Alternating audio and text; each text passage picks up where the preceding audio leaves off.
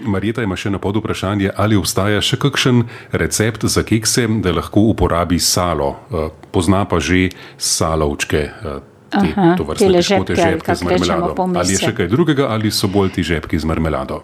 So ti žepki lahko kot eni roglički, ki se pa delajo kot eno kvašeno testo, je pa tudi, če vzamemo recimo, lahko zmanjša količine, kilogram moke, eh, tudi posoli tole, tako eno ravno žličko skoraj soli dam, eh, tri deke kvasa se raztopi kar v malo mleka, ni nujno, da je zdaj pogreto ravno, potem eh, še dva vanilija prida, lahko malo posladka več, žlico še sladkorja, lahko je kristal.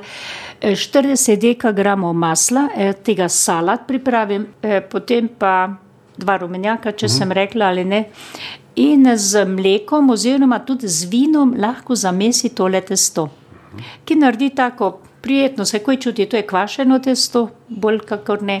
Salo posebej predela, nastrga, da je obdelano malo moke tudi zraven pripravi, eh, posebej za tole testo zamesi in ga potem, ko je pripravlja, ga razvalja in z salom maže plasti. Potem pa ga zlaga in vsako plast še malo namaže s salom, da ga porabi pri tem zlaganju ven. Kvader je boljši, tako le pravokotnik. Pusti zdaj malo počivati, vzhaja, dobre pol ure, lahko je tri četrt ure, pa ga spet zdaj samo razvalja, dela kakor eno listnato testo.